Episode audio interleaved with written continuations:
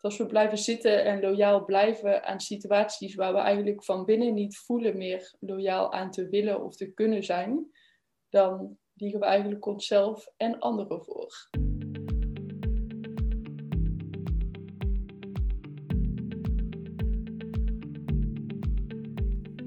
Welkom bij de Liefdesbrigade podcast. Mijn naam is Jasmine Lindenburg en als holistisch therapeut begeleid ik jou bij het proces naar innerlijke vrijheid. Ik help je bij het loslaten van belemmerende overtuigingen en onverwerkte emoties, zodat jij vol zelfvertrouwen gaat staan voor wie je bent en je jouw eigen pad gaat bewandelen. Hier vind je inspirerende inzichten, wijze lessen en praktische tips voor een diepe hartsverbinding met jezelf en met anderen.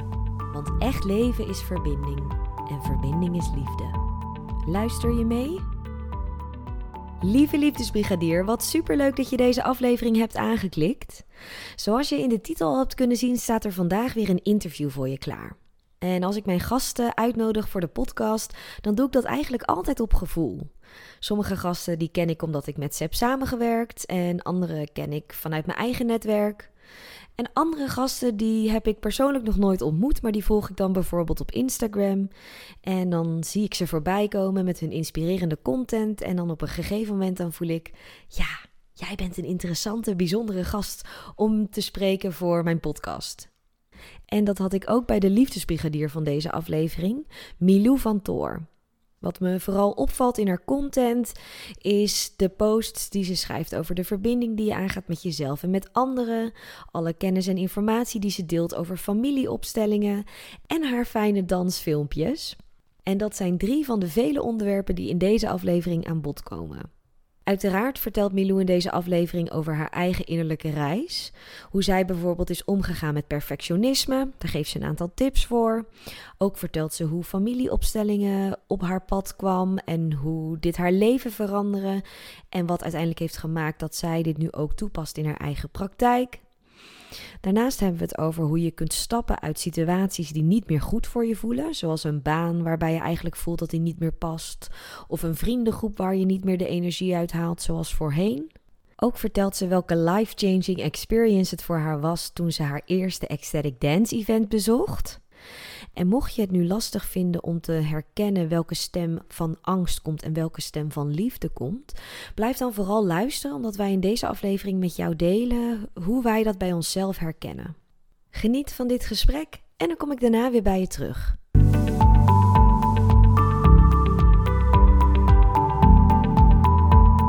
Ja, en daar zitten we dan, Emilou. Ja. ik zat even te denken, volgens mij volg ik jou nu al meer dan een jaar, denk ik. Op Instagram en zie ik je regelmatig voorbij komen, maar we hebben elkaar nog nooit in het echt ontmoet. En dit is eigenlijk de eerste keer dat we echt met elkaar connecten. Super leuk om, uh, om je hier te gast te hebben in de podcast van de Liefdesbrigade. Welkom.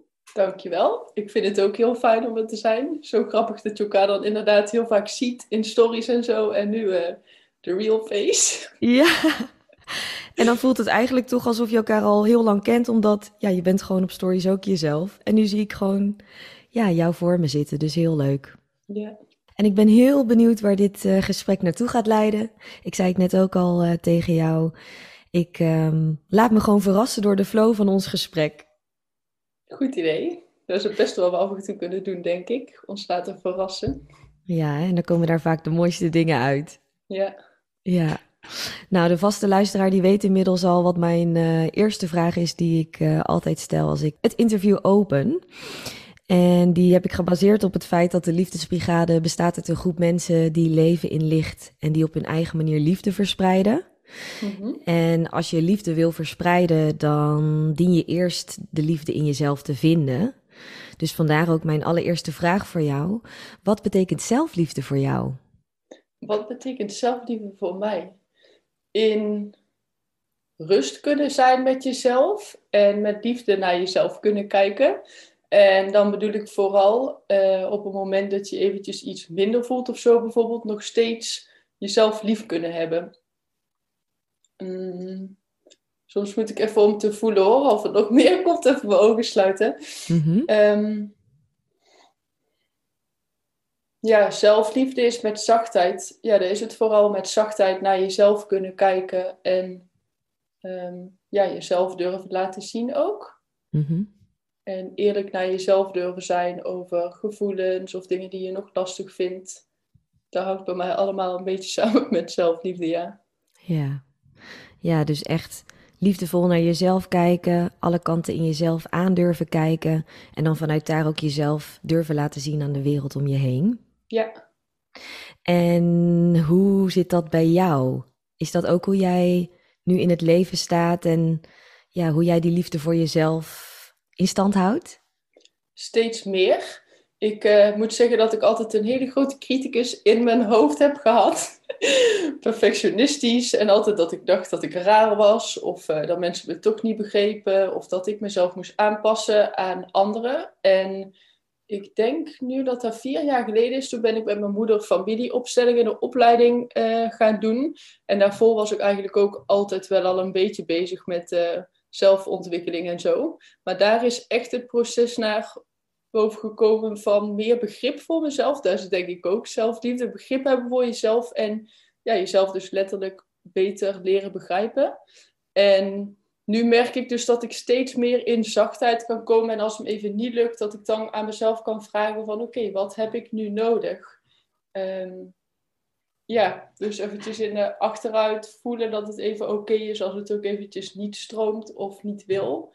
En eh, dat wordt wel steeds meer, of in ieder geval, ik realiseer me steeds vaker wanneer ik in angstgedachten zit, ook richting mezelf. En het lukt me steeds beter om dat om te switchen, ook naar liefde toe. Dus dat is heel fijn. Mooi. Ja, dus dan hoor ik je ook zeggen dat je door het bewust worden en even stilstaan bij wat er van binnen speelt bij jou, dat je Ja. daardoor dus ook die, die angstgedachten kan, kan switchen, kan ehm, omdraaien.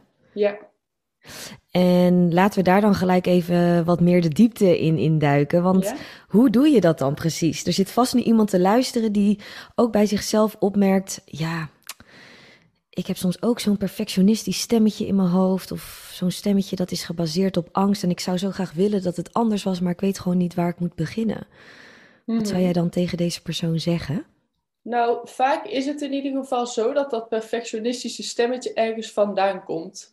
En dat is vanuit een bepaalde situatie of vanuit je jeugd is dat vaak opgekomen. En ik weet dat het bij mij in de familie, vooral bij mijn moeders kant, ook een ding is. Ik denk in heel veel families overigens. En natuurlijk ook in het sociale geheel. Dus steeds aan jezelf. ehm, nou moet ik even nadenken hoor, want dan ga ik even één trokje in. Ehm, je zegt hoe je ermee om kan gaan als je merkt dat je dus in die perfectionistische gedachten zit. hè? Mhm. Ja, dan dus waarnemen dat dat een deel is van jou. En dat dat misschien wel is gebaseerd op een verhaal of op een overtuiging die misschien wel uit het verleden komt. Alleen die niet per se kracht hoeft te hebben in het hier en nu. Dus dat is één ding. En voor mijzelf heeft het heel erg geholpen om meer innerlijk werk te doen. Dus door te gaan mediteren en ehm, ja, ook mezelf de vraag te stellen van... is dit wat ik nu zeg tegen mezelf ook daadwerkelijk waar? Of waar baseer ik dit op? En door daar meer mee bezig te zijn en meer bewustzijn op te hebben, kun je daar automatisch, ja, dan voelt het voor mij alsof dat ook geheeld kan worden. Dus dat je daarna ook steeds makkelijker ziet, oh ja, hier heb ik hem weer. En vaak zijn we dan geneigd, ja, dan gaan we weer hoor. Ga ik weer zo dom, of zeg ik tegen mezelf dat ik dom ben, dat je het wil wegduwen. Daarmee wordt het dus meer versterkt juist weer. Als je die bal onder water duwt, dan popt die er een keer uit. Ehm, dus daarin ook een stukje zelfliefde van, ah ja, er is een deel van mij die vindt dat ik het beter moet doen. En is dat zo? Of is het al goed wat ik in het hier en nu doe? Dus dat eigenlijk. Ja, mooi. Dus wat je zegt is dat je het dan kan waarnemen zonder dat je daar vervolgens een oordeel over hebt. Ja, Ja. En jij noemde het net al dat jij daar zelf ook veel aan hebt gedaan bij jezelf, hè? het innerlijk werk. ja. Dus het is eh, niet zo geweest dat jij al je hele leven dan zo makkelijk dat eh, nu kan waarnemen. nee. Kun je ons eens meenemen naar het verleden waarin echt heel erg duidelijk werd voor jou dat je echt in de knel kwam door dat perfectionistische stemmetje in je hoofd en misschien ook door andere overtuigingen, onzekerheden, waardoor jij besloot, nu is het tijd om echt naar binnen te keren? Uh, bij mij is er dus niet echt één specifiek moment geweest. Ik ben voornamelijk in de flow meegegaan, waar we het net al zo mooi over hadden. Um, ik heb wel altijd een beetje voor mezelf het gevoel gehad dat ik anders was dan anderen. Dus ik was vaak wel een onderdeel bijvoorbeeld van een groep. En tegelijkertijd voelde ik me ook een buitenstaander. Dat is voor mezelf af en toe best wel lastig geweest. Omdat je daarin dus ook kritisch gaat zijn naar jezelf. Van, huh, ben ik dan niet met de juiste dingen bezig? En dat soort dingen. Ehm, maar op een gegeven moment toen is mijn moeder ontslagen, of die mocht niet, kon niet meer werken uh, in de baan die zij deed. Dus toen is zij op een gegeven moment aan mij gaan vragen van, oh Milou, zullen we samen een praktijk opstarten voor uh, ouder en kind met massage deden we toen. Uh, dus daar zijn we in eerste instantie mee begonnen, die cursus doen. En toen op een gegeven moment, um, ik heb wel best vaak het gevoel gehad als ik bijvoorbeeld op een bepaalde baan aan het werken was, dat ik dacht, nee, dit is het niet helemaal. En dan weer ergens anders, oh nee, te weinig uitdaging of dat ik toch net te weinig van mezelf kon laten zien. Dus dat is wel één van de dingen wat echt een proces voor mezelf is geweest van, oh ja, kan ik in liefde zijn met mezelf? Ook al hoor ik, tussen aanhalingstekens, tekens minder uh, bij een groep of vind ik het op mijn werk niet meer zo fijn. Um, en toen ben ik met mijn moeder dus familieopstellingenopleiding gaan doen en daarin is echt heel veel uh, in gang gezet. En kun je daar een voorbeeld van geven? Ja, ik had dus in eerste instantie de praktijk samen met mijn moeder. En in de, aan het einde van de opleiding van familieopstelling heb ik besloten om de praktijk in mijn eentje door te zetten. Dus eerder is het eigenlijk ontstaan vanuit meer, ja, hoe moet ik het zeggen, hier in het gezin.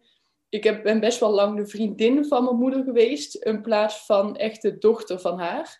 En in de familieopstellingen opleiding is dat veel meer verschoven naar een, ja, een kloppende uh, verhouding, zeg maar, ten opzichte van elkaar. Dus dat ik echt de dochterrol kon innemen. En het leven wordt doorgegeven. Dus ik weet niet of jij, ja, jij en de luisteraars de fontein kennen, maar het water stroomt het geleidelijkste of het makkelijkste naar beneden toe. En doordat ik vaak dingen met mijn moeder ging doen, heb ik eigenlijk daarin nooit helemaal in mijn eigen kracht gestaan omdat ik vaak haar aan het pleasen was bijvoorbeeld.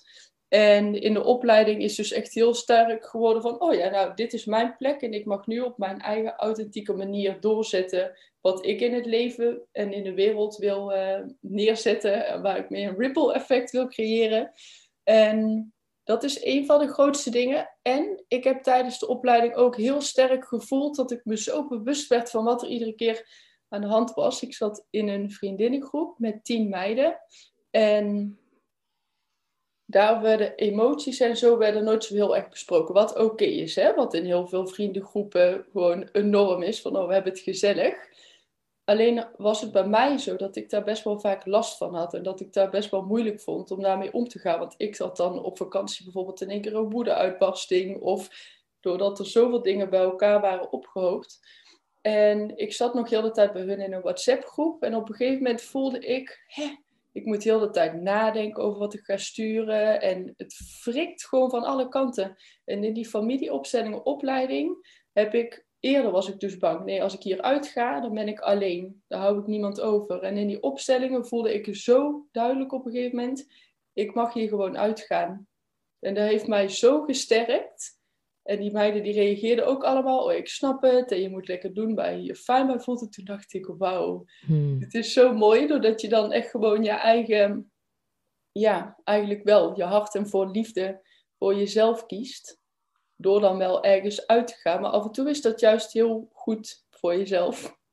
Ja, wat mooi dat familieopstellingen jou die inzicht heeft gegeven. En dat dat dan ook nog ervoor heeft gezorgd dat je ook echt die stappen hebt ondernomen.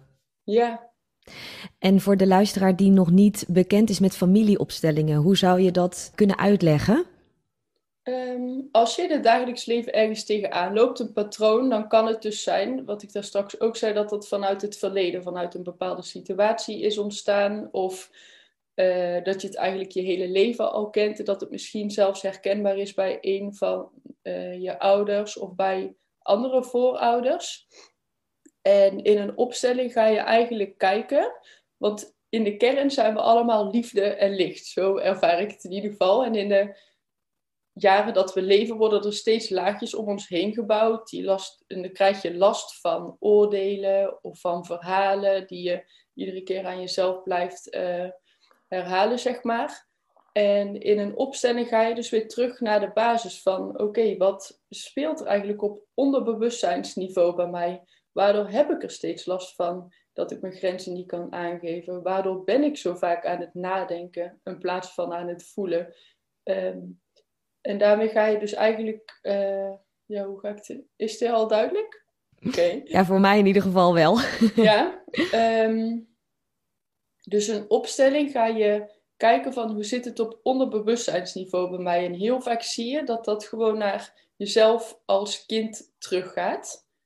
In ieder geval. Uh, we zijn allemaal geboren met een ziel. En in de loop van de jaren of met de geboorte al kun je al een traumatische ervaring op hebben gedaan. En soms hoeft het, klinkt een trauma klinkt soms zo groot, maar dat kan ook iets kleins zijn. Bijvoorbeeld een docent die altijd negatief tegen je deed of een bepaalde opmerking naar je heeft gemaakt. En die ziel was eigenlijk heel en als onbeschreven blad, in hoeverre dat kan, dan vraag ik me soms eens af. Maar ehm, je gaat dan in bepaalde situaties reageren vanuit een overlevingsdeel, doordat dat trauma weer niet gevoeld wil worden.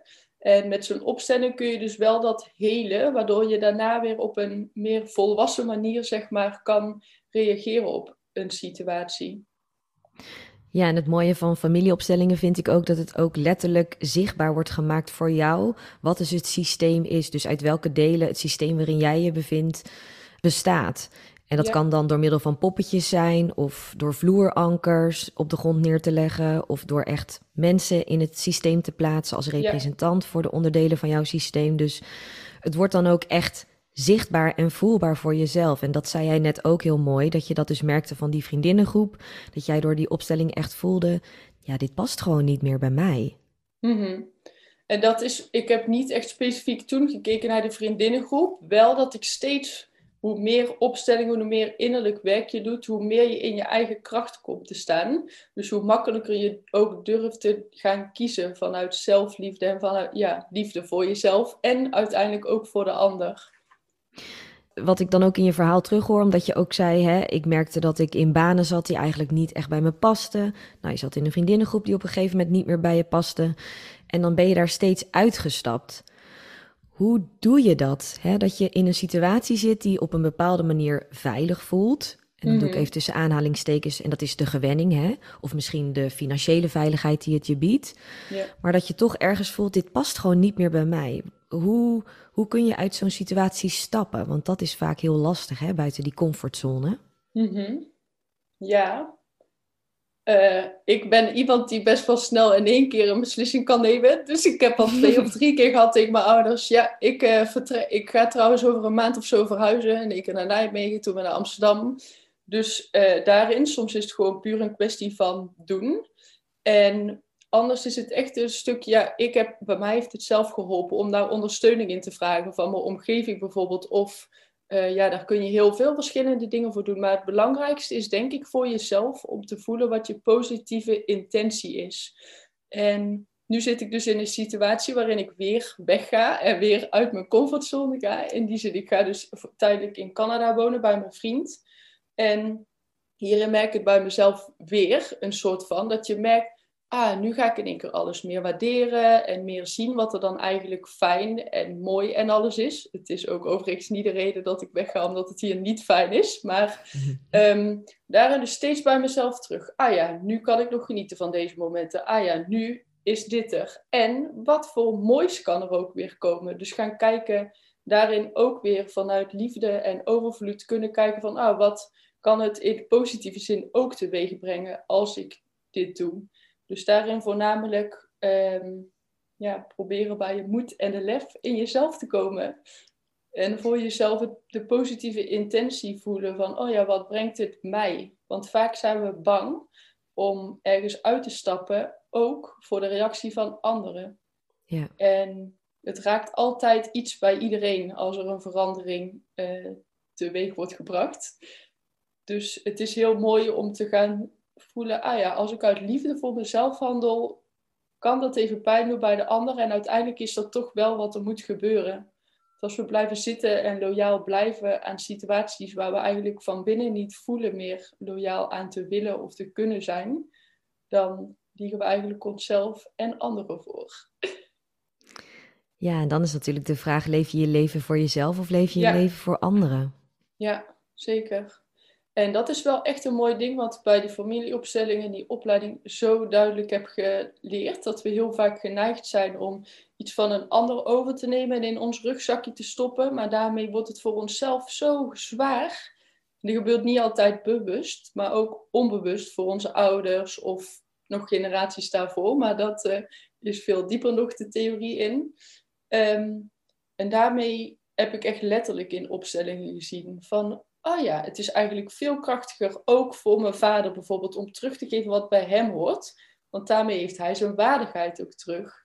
En eigenlijk met het overnemen van dingen van anderen en vanuit schuld dus bepaalde dingen niet doen, de keuze maken om een relatie te verbreken of om bij werk weg te gaan, uh, ben je dus eigenlijk een last van die ander aan het dragen.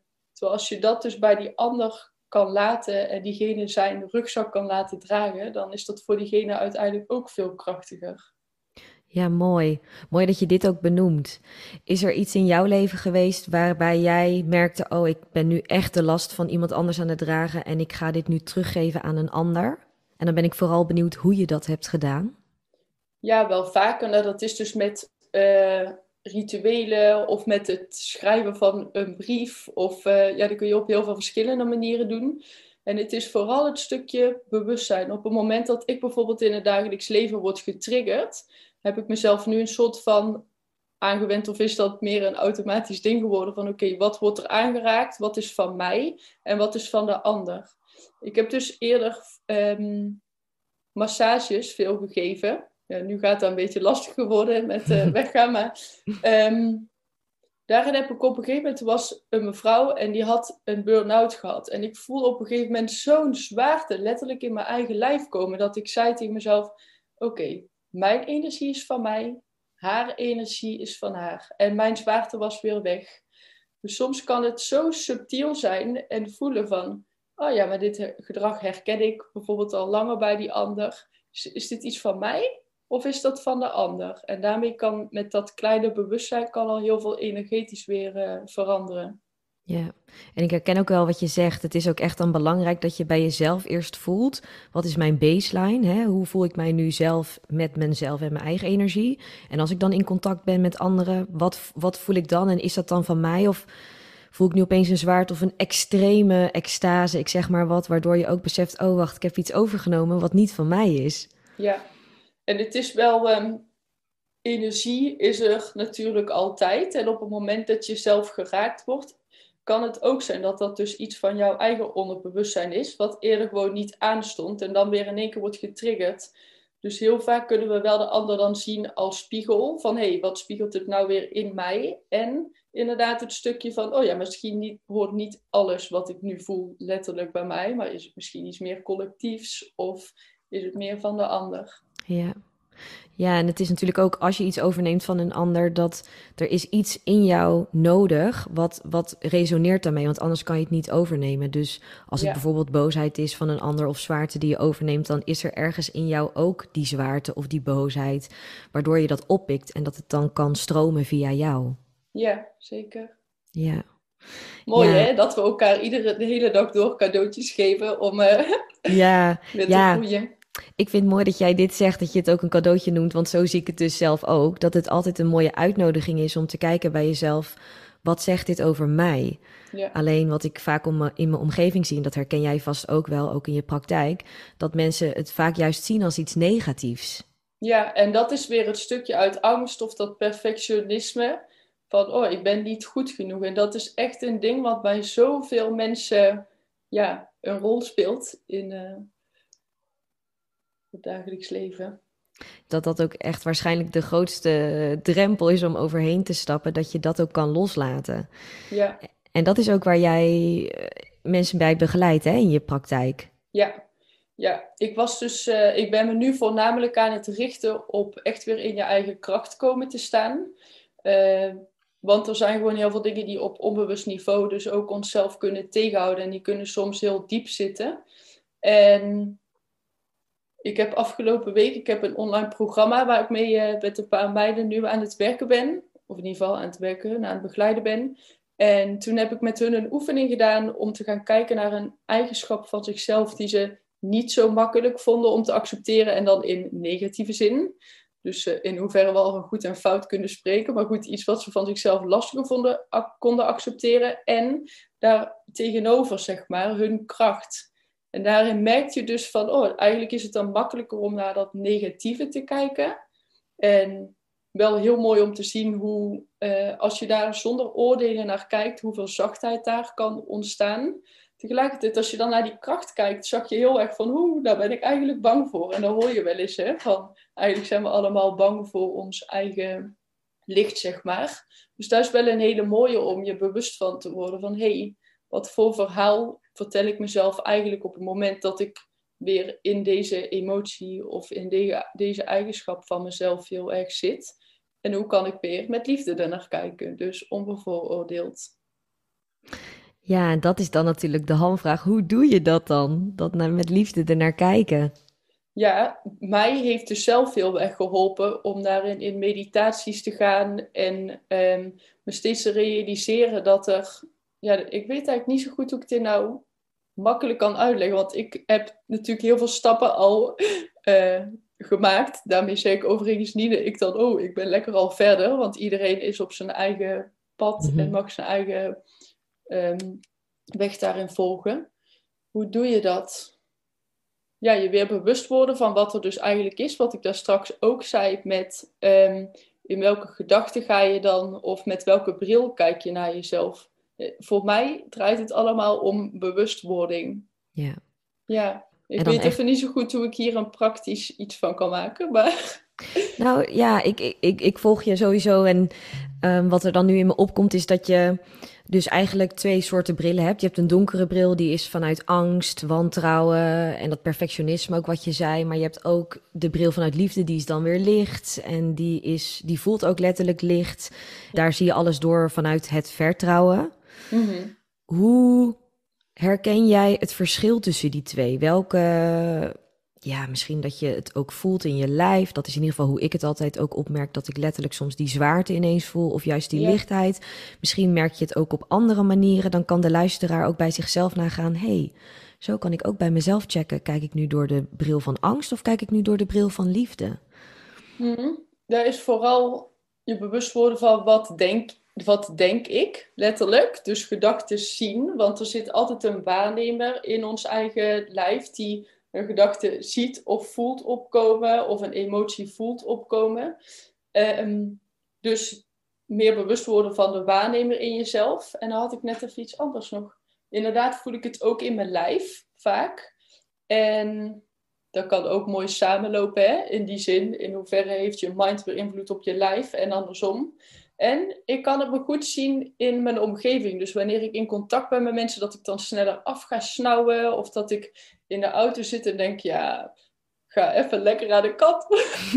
ga even lekker aan de kant. Of uh, dat je gewoon, dat voel je gewoon in de energie. Maar ook vooral met mensen die dicht om je heen staan. En of je makkelijk in actie kan komen.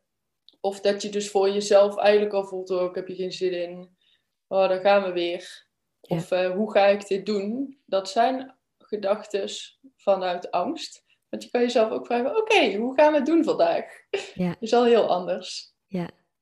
ja, dus dat zijn wel concrete dingen inderdaad. Dat je het en kan zien aan je gedragingen, wat je doet. Maar ook aan de gedachten die je denkt. En of je daardoor ook in actie komt. Of dat je daardoor juist verstijft. Mm Ja, dat maakt het ook concreet, ja. En in interactie met anderen dus. Dat ervaar ik vooral. Ik, heb hier, ik woon nu dus tijdelijk bij mijn ouders. En dan uh, komen ze terug van iets. En dan zit ik net op de, zit ik op de bank. En dan komen ze, hey Milou. En ik, ah, soms voelt er van, ah, nu even niet. En dan reageer ik dus ook daadwerkelijk af en toe eventjes uh, snauwerig. En dan kom ik daar later wel weer op terug dat ik zeg, ah ja, ik voelde me toen even, ik was super moe van iets waar ik net van terugkwam. Dan komen jullie eraan, dus het voelde voor mij eventjes veel. En vanuit daaruit kun je dus weer die situatie weer in het licht zetten, om het zo maar even te zeggen. Door gewoon eerlijk te zijn naar jezelf en naar de ander, van wat er in je werd getriggerd of wat, er, wat jouw eigenlijke behoefte was op dat moment. Dus ook al ben je bewust hè, en ben je bezig met het proces van innerlijk werk en merk je ineens dat je een terugval tussen aanhalingstekens hebt omdat je gedrag laat zien wat je eigenlijk niet wil laten zien omdat het komt vanuit angst of van wat dan ook, Mhm. dan kun je altijd daar nog op terugkomen en dat dat juist ook een punt is van groei doordat je er even in terugviel hè, in dat Ja. oude patroon en je neemt het waar, je bent ervan bewust en je doet daar vervolgens iets mee. Dat zorgt natuurlijk ook weer voor nieuwe groei. Zeker. En het is, eh, ja, kijk, soms zijn we dan geneigd om patronen echt al helemaal niet meer te willen. Voor mij, ehm, die patronen zitten er soms al zo diep ingesleten in onszelf.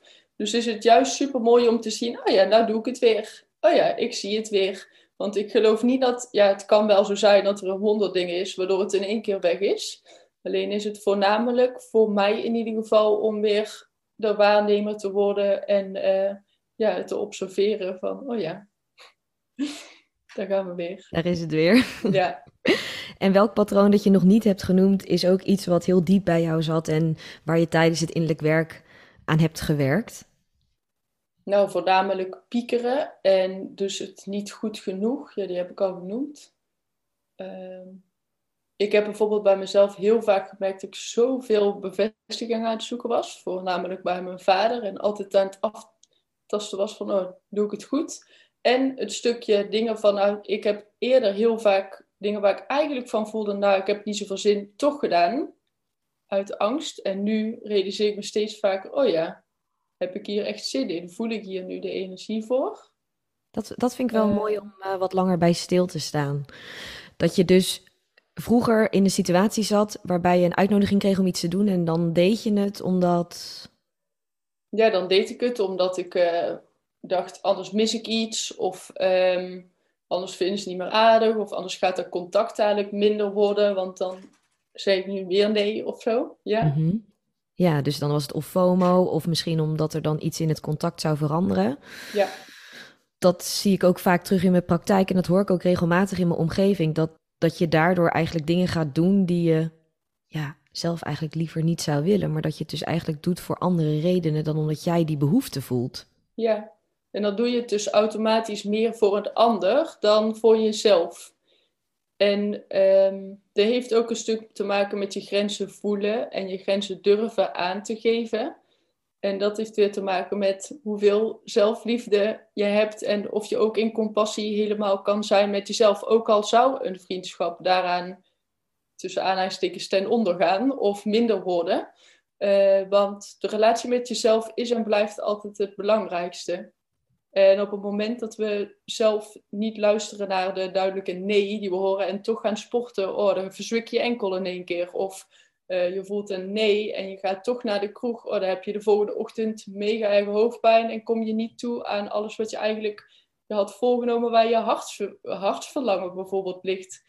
Dus daarin is het ehm, ja, mooi om te kijken en te voelen van, oké, trouwens, soms heb ik bij mezelf ook een nee gevoeld van, nee, hier ga ik niet heen. Mhm. En toch zei iets innerlijk in mij wel gaan. Want het kan ook zijn dat we onszelf zitten te saboteren en voelen dat we een situatie liever vermijden. En dan zit daar juist wel de uitnodiging van, oh ja, als er toch een stemmetje is, ja, doen. Dan ontmoet je misschien wel iemand die in één keer echt een mega goede klik mee hebt. Of dan komt er misschien wel iets waardoor je, kom je in een confrontatie daar terecht, waardoor je juist eh, weer nog een stapje extra kan groeien. Dus dat is wel mooi om hier nog even aan toe te voegen, ja. Ja, want dan is het natuurlijk het belangrijk dat je ook bij jezelf herkent of het stemmetje wat je hoort, hè, wat zegt dat je zou kunnen doen in deze situatie, of dat komt vanuit angst of vanuit liefde. Ja, daar, gaan, daar hebben we hem weer. Ja, Ja. daar hebben we hem weer. Ja, ja en eh, dus echt en met ons hoofd denken we soms ook niet iets anders dan ons lichaam zelf zegt.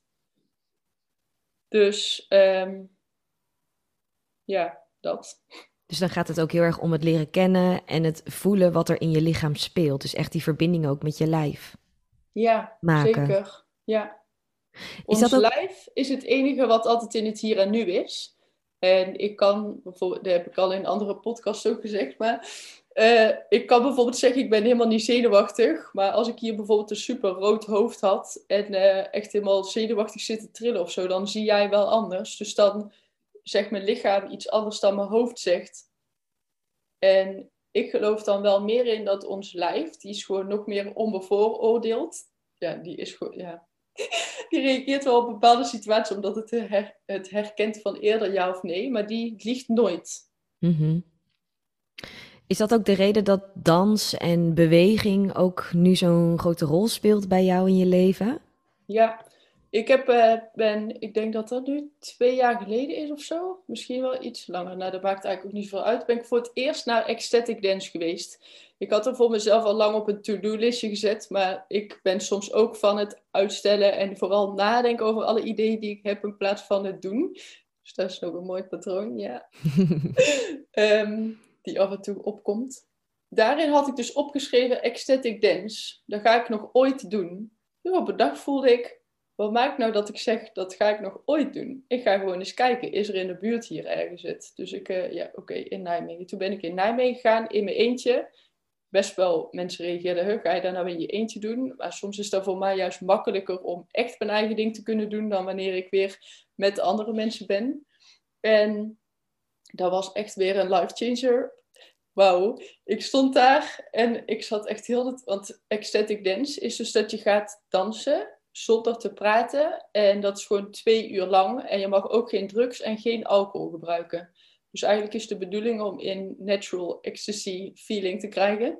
Uh, met puur gaan luisteren en je, in je lijf komen en je lijf durven volgen. En ik was me daar zo bewust van gedachten.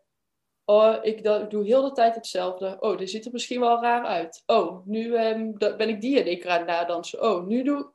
Oké, okay, Mido zie het maar. En wat is iedereen aan het doen? Iedereen zit helemaal in zijn eigen wereld. Iedereen is gewoon zijn eigen ding aan het doen. Dus, zei mijn broer al een keer eerder tegen mij, als je in de kroeg bent of zo en je weet of de, en je voelt, ha, het is even veel, doe je ogen dicht en ga gewoon vanuit, ja, met je ogen dicht echt vanuit je lijf, zeg maar, bewegen. En toen ben ik echt in zo'n krachtige delen van mezelf gekomen, waarin ik gewoon helemaal mijn lijf kon voelen en dat je lijf gewoon gaat trillen of dat er emoties opkwamen en dat je gewoon echt in ja, de diepe verbinding komt met jezelf. Waar daadwerkelijk alles er mag zijn. En ja, ik weet niet zo goed hoe ik het hier moet uitleggen, maar alsof er dan zo'n magneet is die gewoon aan elkaar zit en dat je voelt van, oh, nu klopt ook gewoon alles. Ja. Ja, heel mooi. Ik zie ook je helemaal stralen als je het hierover hebt. Dus ik voel het ook helemaal wat jij daar zo hebt gevoeld. Ja. Ja. Ik had zelfs één keer, want met ecstatic dance ga je ook wel eens met iemand dansen. Die komt dan, kan dan naar je toe komen. Nou dan heb je dan het namaste dingetje om te zeggen van nee, nu niet. Of uh, het is genoeg geweest. met respect dan.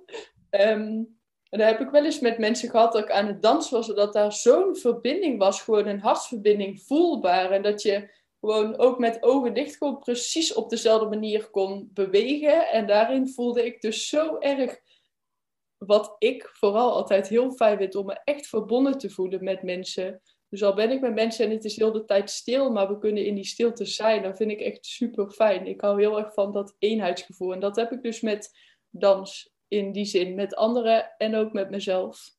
En toen vroeg mijn vriend na die avond, nou ja, mijn vriend woont dus in Canada, dus we waren aan het bellen en die zegt, heb jij net drugs gebruikt of zo?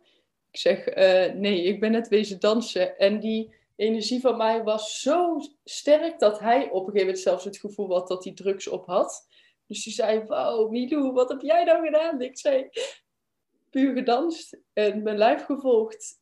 En dat was, is gewoon, ik krijg nou weer een beetje tranen van in mijn ogen, maar hoe mooi en magisch het is. Want mijn broer, die dus eerder zei van, oh, in de kroeg doe gewoon lekker je ogen dicht en maakt allemaal niet uit. Die zegt nu in één keer tegen mij, we moeten iedere keer, hoezo zet je steeds die dansfilmpjes op Facebook en zo? Want dan denkt hij, ja, hoezo moeten andere mensen dat zien?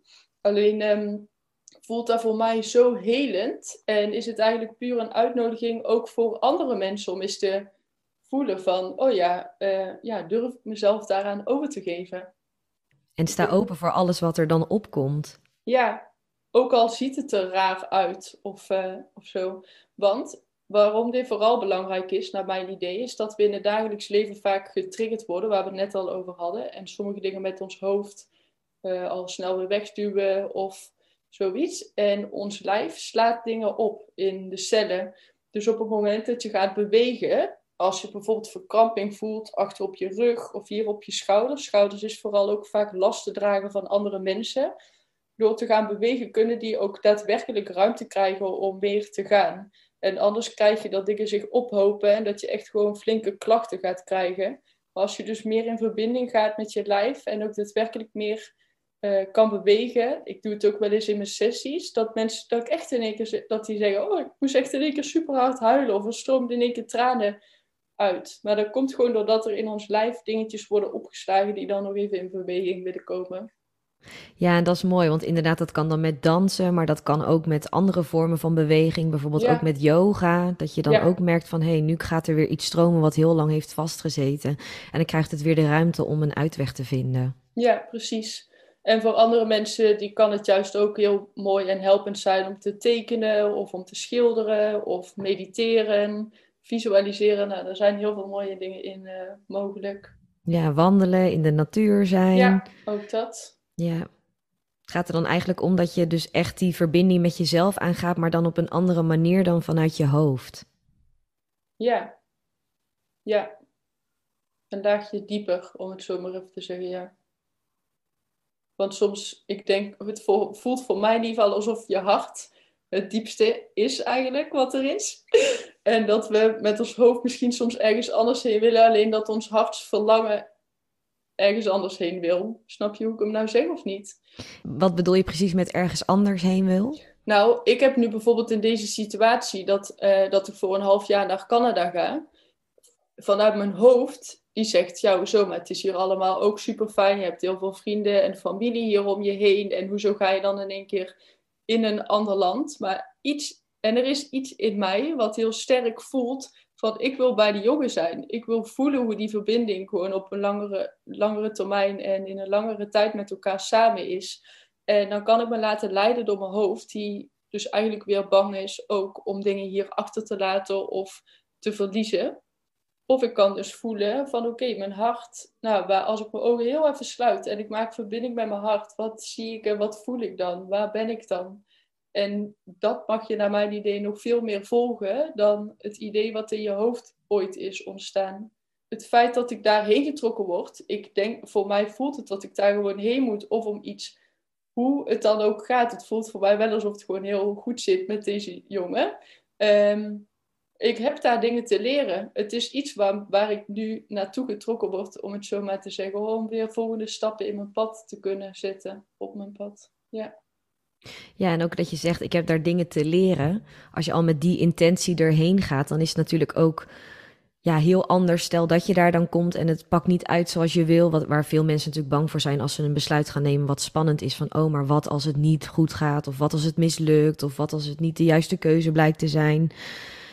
dan zit je weer in die angst. Mhm. Als je erin gaat met ik heb daar iets te leren, dan kun je er altijd iets uithalen. Dan is het al gelijk weer een heel andere intentie waarmee je het besluit neemt.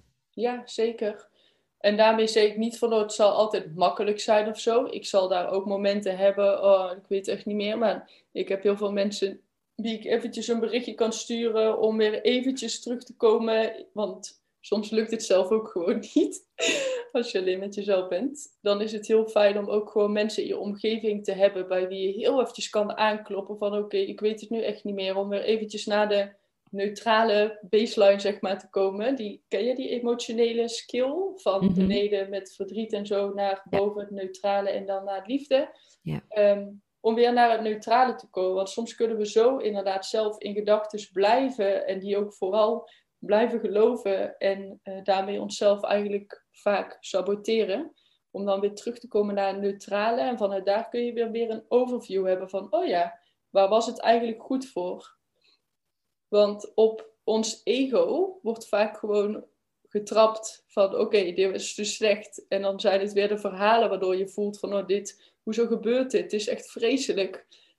Terwijl het in het algeheel en misschien overal juist wel heel goed is wat er is gebeurd. Bij wijze van uh, bij mij de beweging om naar Canada even te gaan, om eigenlijk even uit mijn... Ja, je gaat nooit uit je systeem.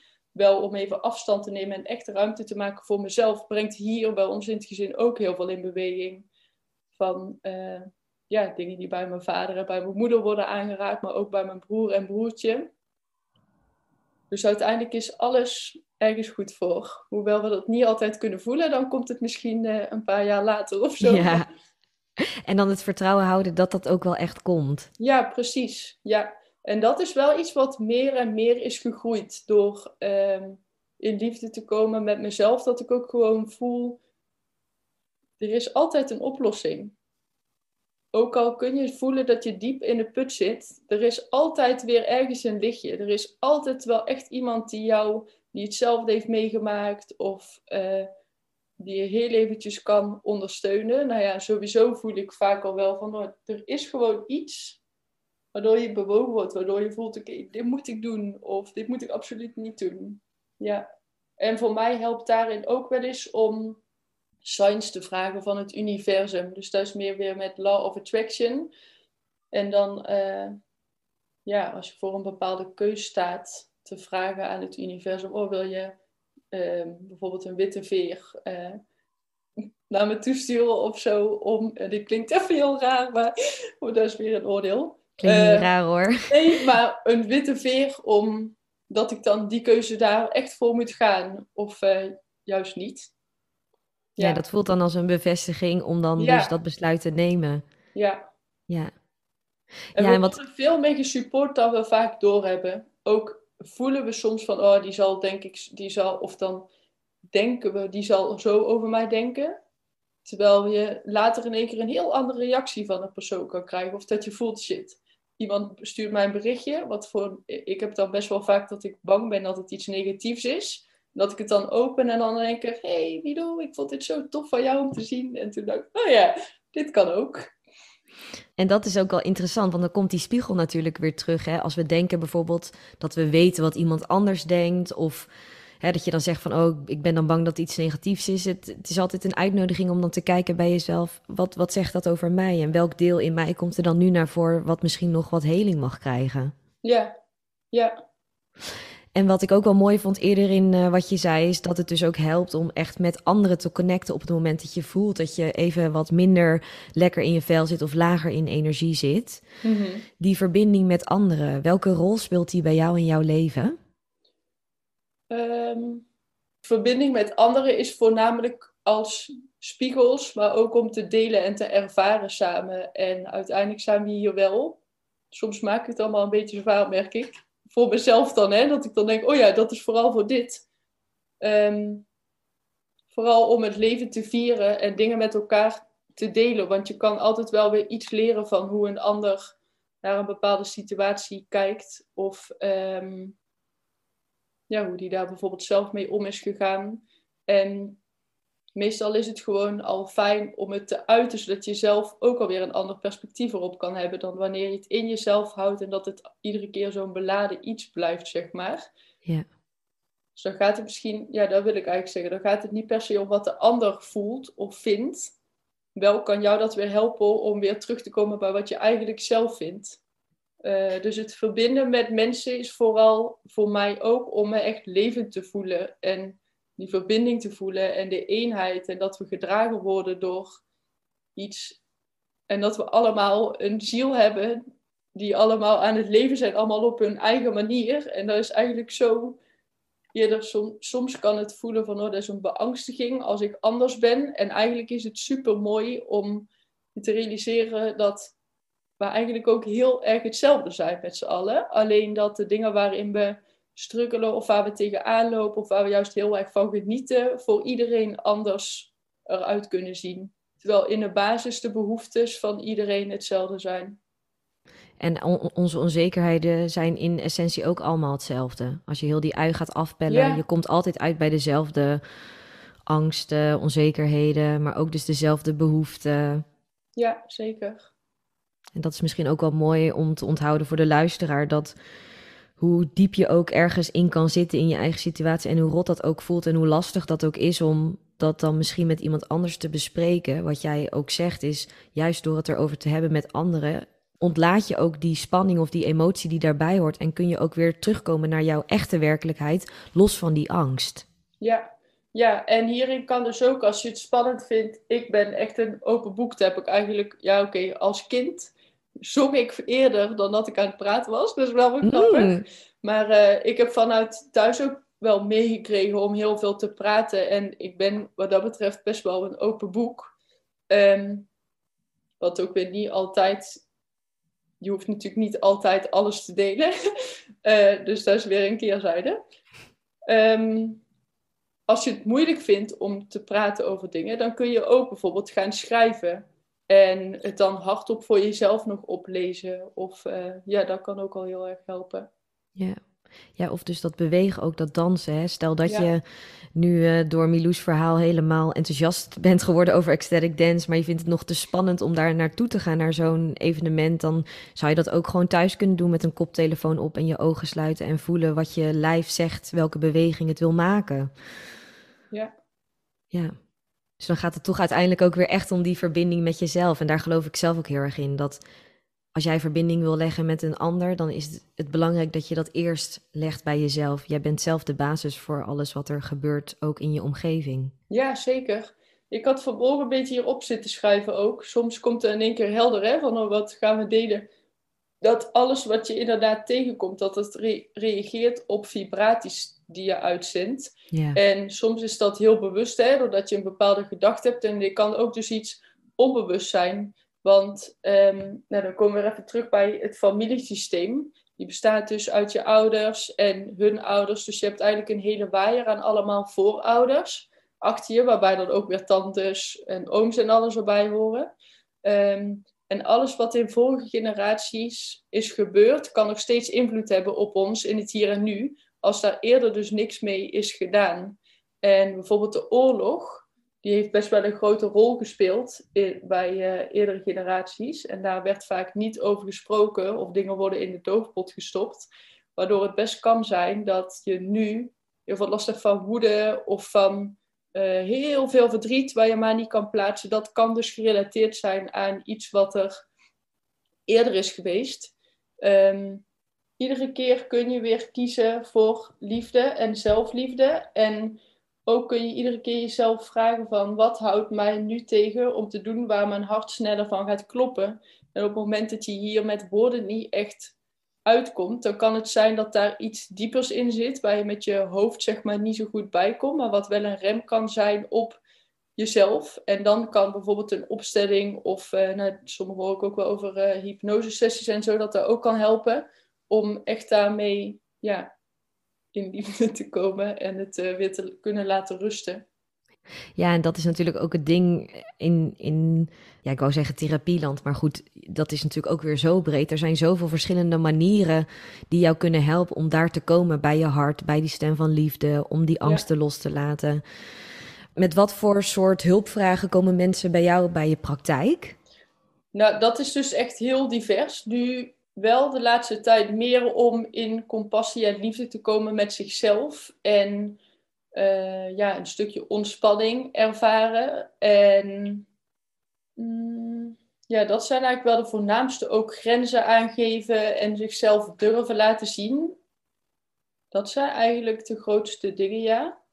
En wat ik het mooie vind aan werken met familieopstellingen, is dat je altijd je systeem van herkomst met je meebrengt. En je systeem van herkomst zijn dus wel je biologische ouders. En je neemt daarvan dus dingen aan de buitenkant mee, maar ook dingen aan de binnenkant, wat ik net benoemde. Dus oordelen en zo die al van heel ver terug kunnen komen. En jij neemt dus altijd jezelf en je systeem van herkomst mee naar de plek waar je naartoe gaat. En het hoeft niet. En je familiesysteem kan juist heel erg krachtig zijn en krachtig voor je werken. Op het moment dat je daar meer bewust van wordt. En in plaats van te zeggen tegen je moeder: Ja, dag, je hebt het echt verkeerd gedaan. Uh, dan wijs je dus eigenlijk de helft van jezelf ook af. Dus om daarin te komen, weer in het stukje van: Ah ja, alles is precies geweest en is precies zoals het nu mag zijn. Dus daarmee weer in het stukje alignment komen en weer in het ja, neutrale of juist het lichte komen van, ah ja, oké, mijn vader of mijn moeder heeft ook niet anders gekund, want die hebben dit en dit vroeger meegemaakt. Of daar is in het systeem van herkomst iets uh, heftigs of intens gebeurt. En de kracht van dit systeem is gewoon echt heel erg groot. Of kan heel groot zijn. Als je, niet op, als je op je juiste plek staat in de fontein en echt als kind van je ouders, in plaats van je daarboven zetten van oh, ik weet het toch beter dan jullie, of ehm, dan gaat het leven veel makkelijker stromen en kom je makkelijker in de flow. Dus dat vind ik zelf aan de familieopstellingen, dat het altijd wel weer gerelateerd is aan iets wat je vanuit je verleden hebt uh, meegekregen. Je hebt hem nu twee keer genoemd. De fontein is misschien wel even interessant voor de luisteraar als je daar nog niet mee bekend bent. Dus, uh, de metafoor dat wordt gebruikt door Els van Steins, het boek ook dat ze daarover heeft geschreven. En dat is inderdaad een manier om dan uit te leggen hoe het familiesysteem werkt. En wat jij dan ook zegt is dat als je op je juiste plek komt te staan in die fontein, dat, dat het ook, leven ook echt kan stromen zoals het bedoeld is. Ja, zeker. Kijk, met je moeder, de verbinding met je moeder is de diepste verbinding die je ooit kan maken. En die verbinding bepaalt dus ook in grote mate hoe jij je met jezelf kan verbinden. En die bepaalt ook hoe jij je kan verbinden met een eventuele partner of met vrienden en vriendinnen. En je vader, die leert je juist veel meer je grenzen liefdevol aangeven. Eh, of in ieder geval liefdevol. Het is het mooiste als je grenzen liefdevol kan aangeven. Want op het moment dat je zegt nee, dit niet, dan blokkeer je eigenlijk, dan zet je iets tussen jou en de ander. Wat de verbinding juist kan verstoren. op het moment dat je, ja, ik doe het nou met mijn handen naar mezelf, zeg maar liefdevol gericht. Zeg van, ah, tot hier en niet verder. Dit is mijn ruimte. Ik heb nu even tijd voor mezelf bijvoorbeeld nodig. Dan is dat voor een ander ook heel anders. Of veel een stuk fijner. En als je bijvoorbeeld in, dit voel ik te willen zeggen, met, eh, moeite hebt met een baas accepteren die boven je staat en zo, dan kan dit voortkomen uit um, jou ten opzichte van je vader. En van je vader leer je jezelf een plek geven in de wereld. En dus inclusief het aangeven van je grenzen en daadkracht. Wat is de grootste verandering in jezelf die jij hebt opgemerkt op het moment dat jij echt ging staan op je eigen plek in de fontein? Ja, dat dan in één keer uh, dingen van het universum nog makkelijker naar je toe kunnen stromen. Dus dat ik in één keer een huis had in Amsterdam en dat ik in één keer, ik was, uh, ja, de verhaal hoe ik mijn vriend heb leren kennen. Ik sprak uit naar mezelf in gedachten toen ik in een bepaalde situatie stond waarin ik heel duidelijk voelde, ik heb genoeg aan mezelf, ik heb geen ander nodig om me fijn te voelen. En ik ben klaar om de one te ontmoeten. Toen ontmoette ik twee, drie dagen daarna die jongen ineens. Um, ja, zulke dingen dus. Mhm. En dat je dus merkt dat je jezelf makkelijker gaat laten zien. Op Instagram bijvoorbeeld zie ik echt een enorme groei in hoe ik mezelf eerder presenteerde in uh, stories en hoe ik dat nu doe. Dus daar voelt gewoon steeds meer ja, vanuit onbevangenheid dingen kunnen doen en me niet meer heel de tijd laten weerhouden door uh, de gedachten en de angst. Maar op het moment dus dat ik het voel, nou, nou kan ik vanuit liefde dingen delen, dan stroomt het. Dan laat je ook echt je werkelijke zelf zien en dan kunnen anderen jou ook echt ontmoeten zoals jij echt bent. Ja, en ik denk dat dat voor veel mensen heel fijn is om te voelen dat je gewoon precies goed bent zoals je nu bent. Want dat is ook werkelijk zo. Anders was het anders geweest. En ik voel wel heel sterk dat ik mensen gewoon kan zien zoals ze zijn. En dat ik daarin soms heel veel oordelen naar mezelf vooral heb kunnen hebben. En naar anderen, oké, het is oké. En dat ik steeds makkelijker durf te zien van, oh ja, die verschillen is oké. Ook als we bijvoorbeeld bij iemand zien die juist nog veel, uh, ja nee, dit hoeft eigenlijk niet, laat maar. Nou, nou, word ik dus heel nieuwsgierig. Wat wilde je eigenlijk zeggen? Ja, daarmee bedoel ik eigenlijk ook niet dat iets goed of fout is. Hè? Maar ik dacht eventjes aan, oh ja, iedere avond naar buiten. Iedere avond naar het terras bijvoorbeeld. Ik noem maar eventjes iets. Dat ik daarop voel van, oh ja, als jij dat wil, dan is het goed. Want dan is die behoefte voor jouzelf en voor mij... Ik, ik kijk dan weer, ja nee, dit klinkt zo alsof ik mezelf dan beter voel dan de ander. Zo bedoel ik het absoluut niet. Alleen voelt het dan voor mij, als ik dat altijd zou doen, dan zou ik echt helemaal uitgeput raken door iedere keer weg te gaan en niet bij mezelf te zijn. Uh, en daarmee ook oké zijn dat iedereen zo zijn eigen pad heeft en iedereen uh, op zijn eigen moment, wanneer hij ergens mee struggelt of uh, juist wil groeien, dat hij daar wel naar gaat kijken en daar op zijn eigen moment ja, naartoe beweegt. Dus echt die volledige acceptatie ook van de ander. En dat gaat natuurlijk makkelijker als je jezelf ook volledig accepteert. Ja. Ik zit ondertussen even naar de tijd te kijken en ik zie dat we het uurtje al hebben aangetikt. Oh ja. Is er nog iets waarvan jij zegt, daar hebben we het nog niet over gehad en ik voel dat dat toch wel belangrijk is om dat nu de wereld in te brengen? Mm. Nou, wel het grootste ding is dat jij degene bent waar jij de enige verantwoordelijkheid over hebt. Als je kinderen hebt, natuurlijk ook daarover. Alleen zonder jou zijn jouw kinderen er ook niet. Dus het is heel mooi om gewoon met liefde te gaan kijken naar jezelf en ook naar dat wat er eerder was. Want ehm, vanuit de Love Attraction zeggen ze van oh, dingen vanuit het verleden hebben geen kracht meer op ons in het hier en nu. En dat is ergens ook zo, tenzij dat onbewust dus zo'n impact nog op ons heeft en uh, wij het eigenlijk liever wegduwen, dan heeft het wel nog iets groots. En daarin een stukje dat het heel mooi is om te gaan kijken van oké, kun je echt met compassie kijken naar dat wat er allemaal is geweest. Ja, daarmee dan ook weer automatisch makkelijker in compassie komen met jezelf nu. Want jij bent gewoon de perfecte persoon wie je nu bent. En alles wat er is geweest heeft jou gemaakt tot wie je nu bent. En nu heb je weer de keus om weer nog meer in liefde te komen met jezelf en weer andere keuzes te maken om nog meer vanuit je hartsverlangen en uh, dingen te gaan manifesteren in het leven. Ja, mooi. Ik zeg ook vaak dat elk moment van bewustwording weer een moment is waarop jij ervoor kunt kiezen om te leven vanuit liefde. Wat er ook is gebeurd in het verleden. Ja. Als jij dan nu zo stilstaat en jij hebt nu de keuze om te kiezen vanuit liefde, wat zou het eerste zijn dat je nu zou doen? Wat ik nu zou doen? Oeh.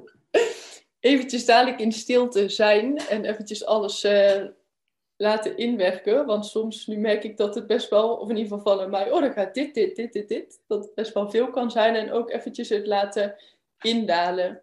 En gewoon even genieten van een momentje stilte. En vanmiddag heb ik nog wat andere dingen te doen. Dus uh, dat is wat ik even ga doen. Mm. En als je hem wat breder trekt over je, in je leven, wat zou je dan nu hè, vanuit liefde doen als je daar nu zo mee... Nou, nu de aankomende dagen sowieso vooral in het hier en nu zijn, omdat ik over een weekje ongeveer uh, ga vliegen. En dan daar weer volledig in het hier en nu zijn. Dat, uh, ja. Ja, ik denk dat dat een hele mooie is om uh, langzaam mee te gaan afronden. Om echt gewoon in het hier en nu te zijn. In verbinding met jezelf. Ja, en daarmee automatisch ook met de ander. Ja, mooi. Nou, we waren dit gesprek gestart hè, met mijn eerste vraag wat zelfliefde voor jou betekent. En dat is mhm. wat jij in dit gesprek ook hebt uitgelegd aan de hand van je eigen ervaringen. En ook hoe je mensen daarmee helpt in jouw praktijk aan de hand van onder andere familiesystemen. En wat ik al eerder zei aan het begin van ons gesprek is dat als je eenmaal die zelfliefde hebt ontwikkeld in jezelf, dan kun je vervolgens ook liefde spreiden naar je omgeving. En dan is mijn laatste vraag voor jou: hoe verspreid jij liefde? Hoe verspreid ik liefde? Door uh, goed voor mezelf te zorgen, door mezelf te laten zien zoals ik me voel, door uh, ja, mezelf te openen en gesprekken aan te gaan met mensen en uh, ja, ook daadwerkelijk gewoon te voelen van oké, waar gaat mijn energie naar? Voel ik een bepaalde vraag te mogen stellen aan iemand? Of um, ja, wat mag er nu in dit moment?